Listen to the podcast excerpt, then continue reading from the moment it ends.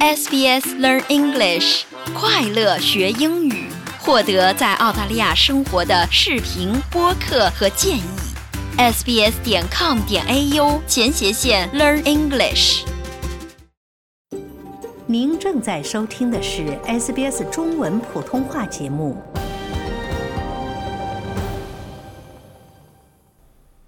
悉尼又有一例麻疹病例被确认，当局敦促市民留意相关症状。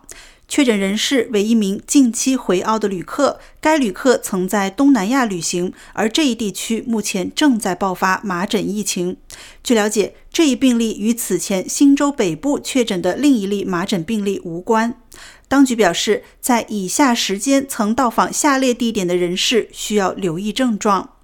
二月七日星期三，从黄金海岸乘坐 JQ 四二七航班，晚上十点十五分抵达悉尼。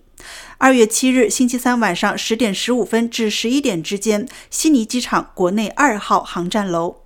二月十日星期六上午九点三十分到十点之间的二八八路公交车，从始发站 Sussex Street at Erskine Street 到 Lane Cove Interchange 的 Stand C。二月十日星期六上午十点至晚上七点之间，位于 Lane Cove 的 Thai Chiva 按摩中心，以及二月十日星期六晚上九点至十一点之间，位于 Hay Markets 的 Satan Thai 餐厅。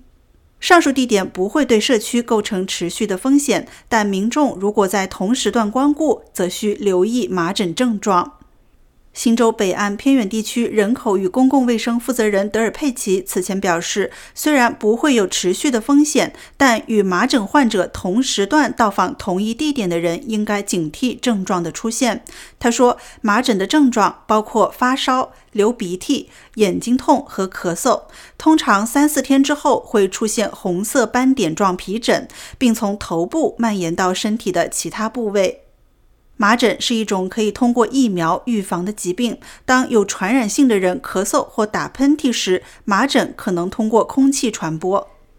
新州卫生厅传染病主任克里斯汀·希尔维博士说：“麻疹是目前传染性最强的传染病之一，民众需对此保持警惕。” And it spreads through aerosols in the air. 它通过空气中的气溶胶传播。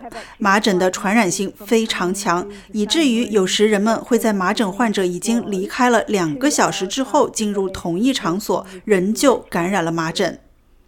谢尔维博士指出，高风险人群包括免疫功能低下或有基础病的人士，以及非常年幼的儿童。We need everybody to be protected to protect those.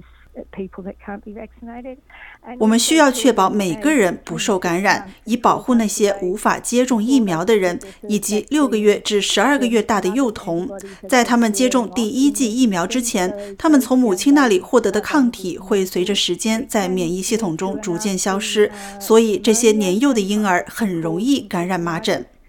它可能导致令人讨厌的肺炎，有时还会引起脑炎，还有很小的概率会出现一种非常严重的疾病，称之为泛脑炎，发生在麻疹感染后七到八年，通常会导致死亡。喜欢、分享、评论，欢迎您在 Facebook 上关注 SBS 普通话页面。